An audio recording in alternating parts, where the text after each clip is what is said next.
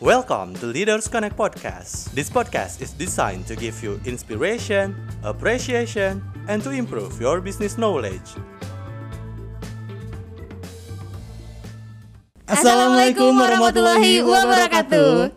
Balik lagi dengan saya Adit Dan saya Suci, dan kita ada di Leader Connect Podcast episode 2 dua. Leader Connect Podcast Growing Together. Aduh gimana ya Mas Adit ya nyanyinya? Pagi-pagi udah nyanyi gitu Kayaknya ya mau pagi mau siang mau malam tetap jelek sih Ci. Tetap sama ya. Tapi kalau misalnya kita udah bagus mah kita udah jadi penyanyi Mas Betul. Adit Agnes Monica kalah. Nah di podcast kita hari ini Mas Adit Kita gak hanya berdua Mas. Yes. Hari ini kita akan menghadirkan eh, bintang tamu Gestar yang sangat luar biasa. Yes. Jadi di Leader Connect Podcast ini adalah podcast jembatan antara leaders dengan kaum milenial. Kita nih Ci. Ya, hari ini kita memang butuh inspirasi juga di leader-leader ya, karena memang kita milenial membutuh pembelajaran dari yang emang udah sukses gitu ya, iya, Mas jadi ya. ada insight-insight baru atau iya, pengalaman-pengalaman betul. baru.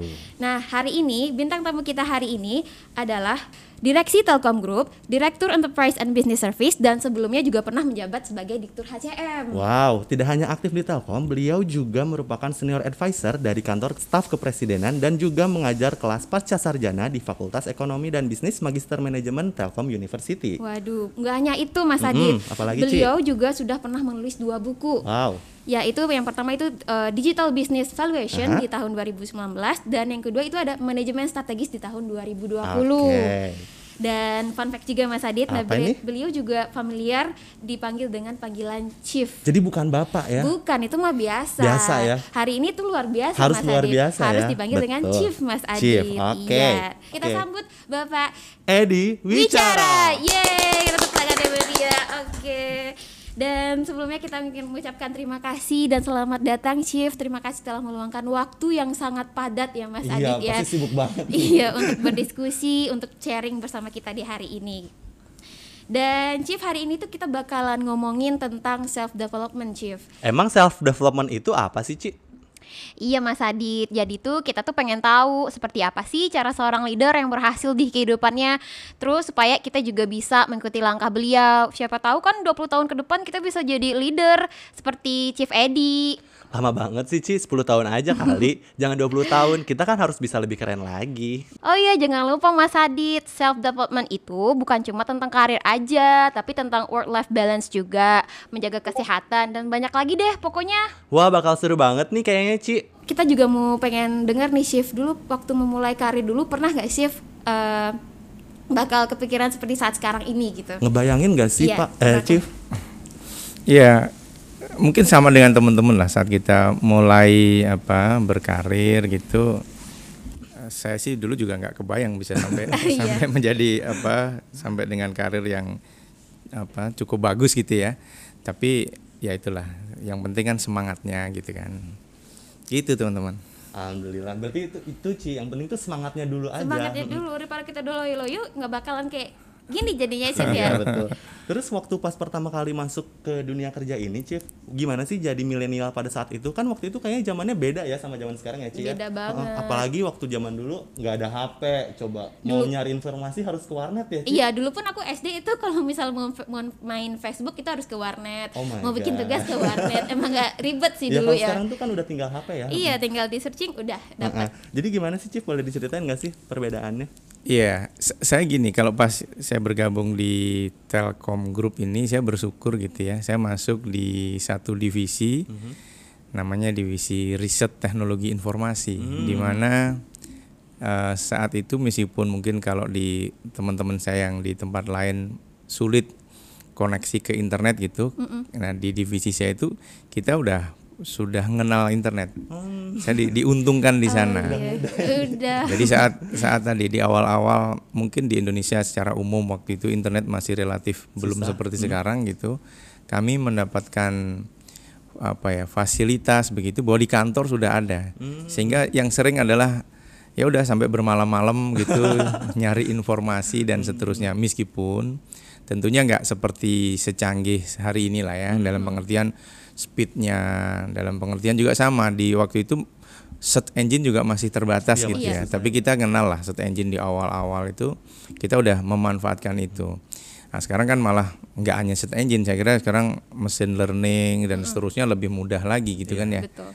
Gitu. Dan selanjutnya nih Chief, waktu di uh, proses memulai awal karir nih sampai ke level BOD sekarang, bagaimana sih Chief menghadapi menghadapi berbagai tantangan waktu menjadi staff juga? Karena kan kita menghadapi berbagai Atasannya beda-beda Iya, ya, atasannya ya? beda-beda. Mm-mm. Lingkungannya gitu, juga Chief. pasti dinamis Iya. ya, ganti-ganti terus nih, Iya. Ya, nih, Cip? jadi eh, sekalian sharing ke teman-teman gitu ya. Iya.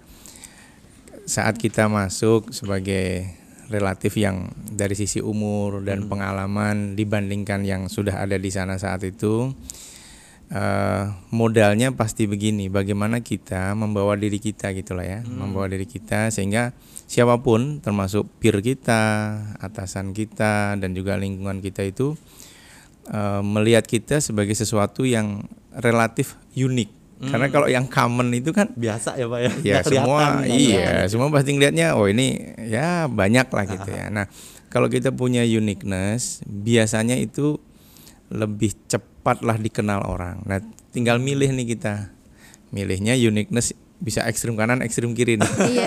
ekstrim kanan itu kira-kira yang penuh prestasi, yang kira-kira punya well performance gitu ya. Kalau yang ekstrim kiri nggak usah dibahas lah ya itu kan, karena nggak bisa dicontoh kan gitu. Iya, ya. gitu.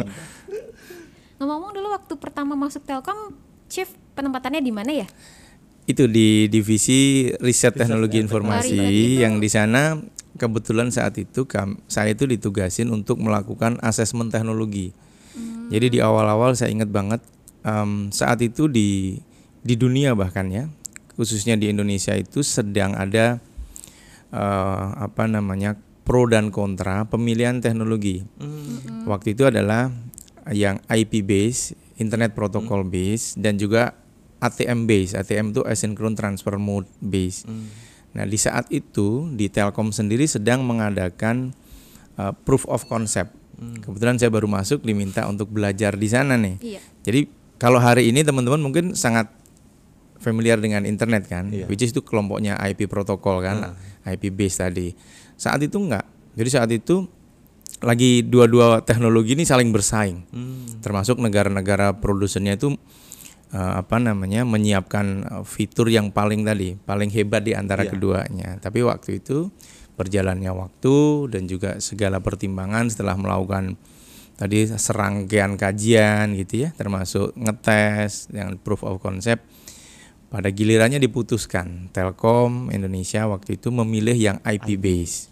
Tapi tidak tidak semudah yang dibayangkan karena apa? Yang ATM base tadi yang a- asynchronous transfer mode base itu itu Telkom juga sudah melakukan field trial saat itu. Jadi seingat saya di Jakarta dan Surabaya untuk services perbankan gitu ya. Karena ini beda teknologi nih yang satu nih kalau agak masuk teknis nih karena Iya. sudah dari background saya teknis nih. Apa-apa Pak, biar seru ya. Iya biar seru, biar kita belajar juga. Jadi Iya. dulu itu kalau yang ATM itu connection oriented. Hmm. Berbeda dengan yang di IPB seperti internet sekarang itu tuh Iya. connection less oriented. Artinya apa? Itu kira-kira gini, kalau Jakarta Surabaya tadi yang dicontohkan tadi gitu ya. Itu butuh koneksi yang pasti dulu kalau itu basisnya ATM tadi. Sehingga apa bandwidthnya dan seterusnya harus fix. Hmm. Berbeda dengan yang IP base tadi. Kalau IP base kita jalurnya bisa lewat mana pun, aja. petnya lewat mana pun, bisa juga nyari pet yang paling cepat dan seterusnya tergantung protokol yang dipakai. Karena di IP itu juga ada namanya ada protokol. Tapi ini kita nggak bahas teknis Iya. ini. Ini bukan kuliah teknis kan. Bukan. tadi. jadi jadi gedeannya itulah. Iya. Sampai akhirnya di, di tadi diputuskan pakai IP dan berkembang sampai dengan hari ini. Makanya hari ini kalau kita lihat pengguna internet di Indonesia kan dari katakan 270 jutaan penduduk itu kita sudah punya mungkin lebih dari 160 sorry 260-an juta loh sekarang Udah tinggal dikit pengguna lagi ya Pak internet. yang nggak pakainya. nah berarti untuk eh, saat ini kan bisa disimpulkan bahwa nggak ada lagi kesulitan ya Pak, eh Chief dalam berkoordinasi untuk dan juga untuk mencari informasi. Tapi untuk eh, menurut Chief sendiri nih, gimana cara kita agar dapat bekerja secara produktif di era digital saat ini? Ya, ini challenge-nya sekarang ini adalah gini. Begitu banyaknya informasi, kita harus punya kemampuan memfilter. Filter.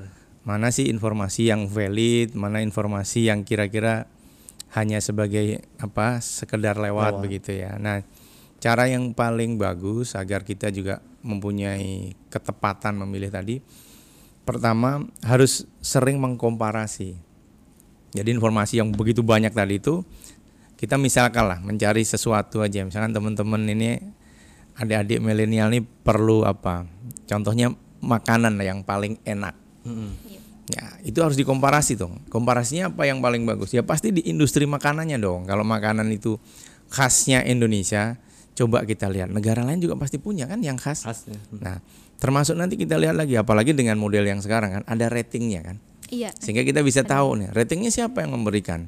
Yang memberikan pasti peng, customernya kan? Iya, atau yang customer. pernah menggunakan atau Iya. pernah memanfaatkan lah, pernah menerima layanan itu gitu. Nah, dari model-model itu akhirnya kita tahu kan, oh informasi ini valid nih karena sudah di proof gitu oleh si siapa pun yang sempat merasakan makanan itu misalnya kita saat bicara dengan makanan. Mungkin hal yang lain juga mirip-mirip.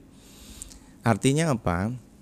Jangan lupakan benchmark, jangan lupakan pembanding agar kita mendapatkan informasi yang valid dalam segala hal. Hmm. Sehingga kita selalu juga ngukur gitu. Oh, kita sekarang posisinya lagi di sebelah mana nih? Nah, jadi kalau rating katakan 1 sampai 10, mau bicara apa pun lah, kita ini posisinya di mana dan menuju ke arah mana. Hmm. Sehingga tadi punya roadmap kan, punya habis ini ngapain, habis ini ngapain.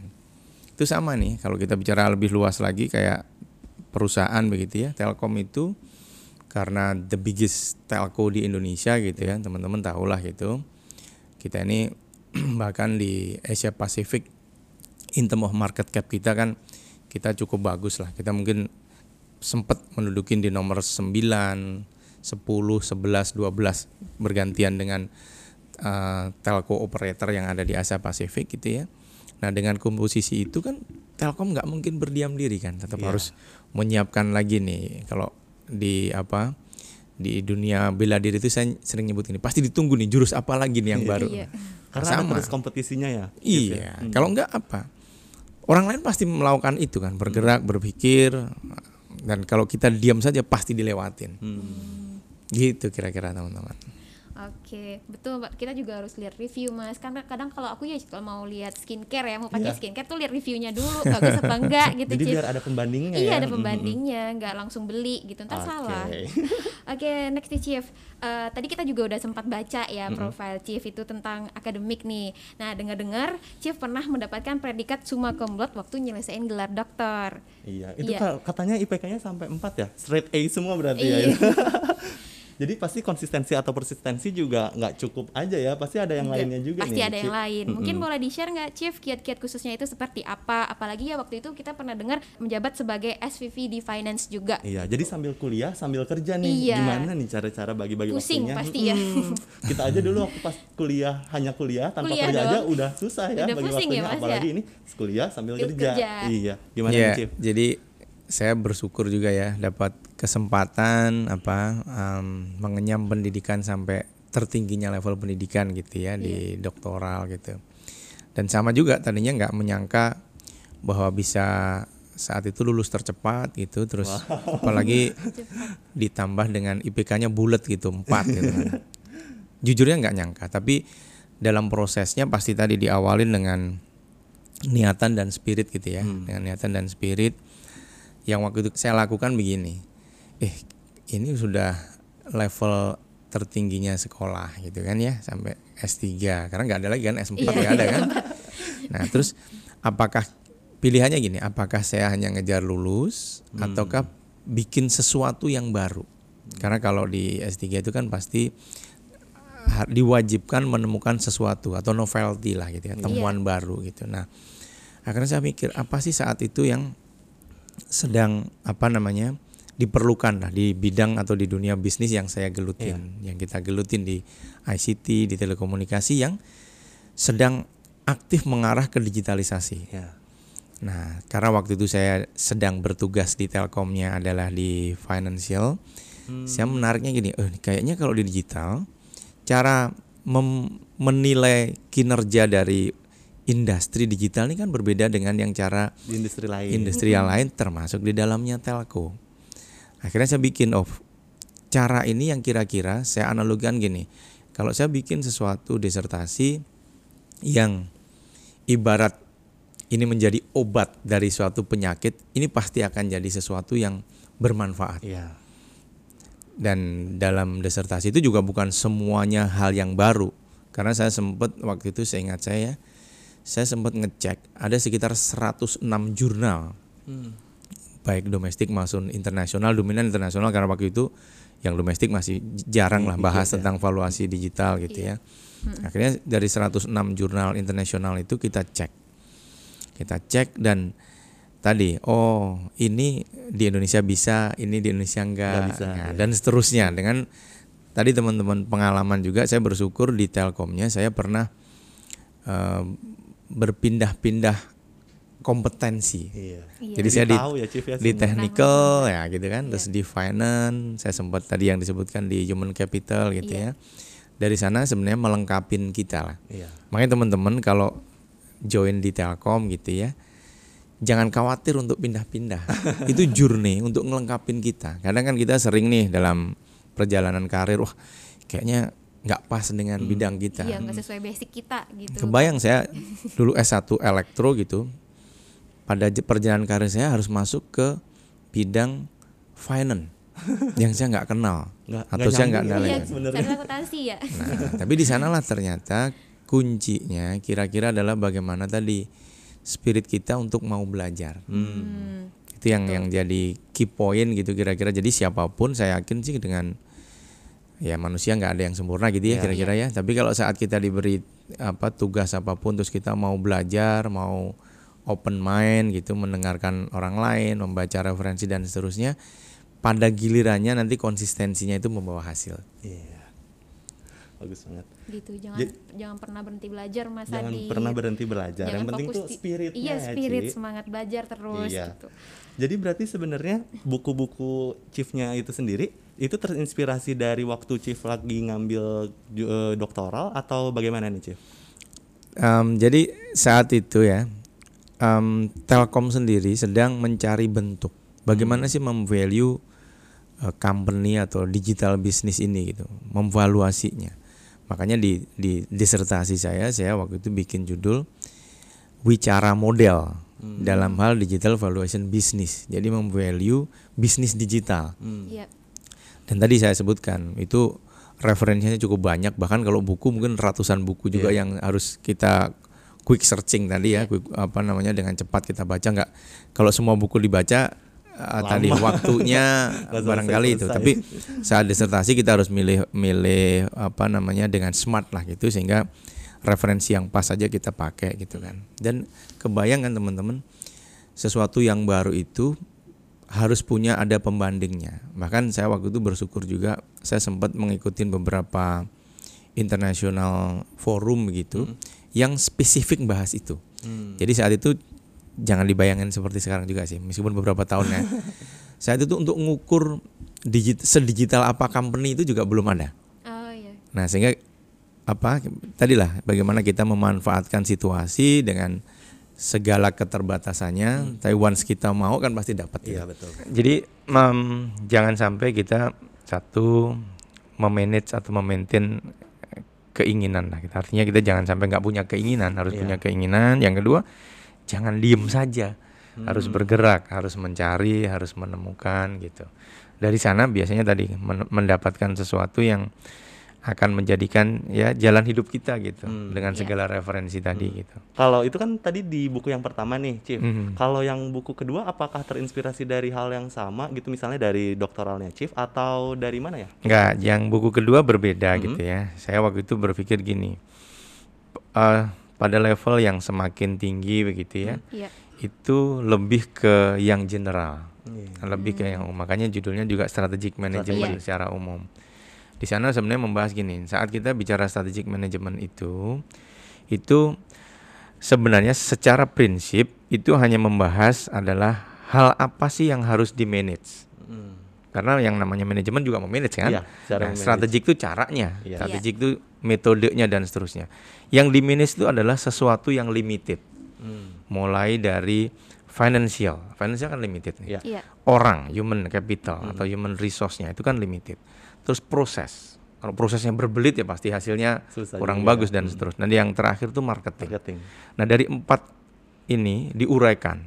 Terus harus ada referensinya. Kebetulan kalau yang buku kedua itu saya ngambil referensi contohnya dari kebetulan saya apa namanya muslim begitu saya ngambil referensinya dari contoh-contoh yang diberikan oleh Nabi Muhammad. Nah, itu yang kita ambil. Tapi ini sebenarnya umum tidak hanya untuk muslim gitu ya. Kalau saya lihat karena bahasanya udah kita coba, tapi kita ngambil beberapa referensi dari ada sunnah, ada Quran dan iya. seterusnya gitu. Biar Agar- beda ya Pak ya, biar Nah, sama. Biar tadi buku pertamanya uh, technically begitu kan ya, Iya. technically di financial, di bisnis gitu. Karena yang buku pertama tadi itu bahas aset, bahas partnership, terus bahas apa uh, kemampuan perusahaan atau atau financial perspektifnya perusahaan gitu. Terus dan outputnya tadi valuasi gitu. Teknis ya relatif teknis lah. Iya. Tapi itu untuk guidance bisnis bahasanya saya coba untuk bahasa yang lebih mudah gitu ya.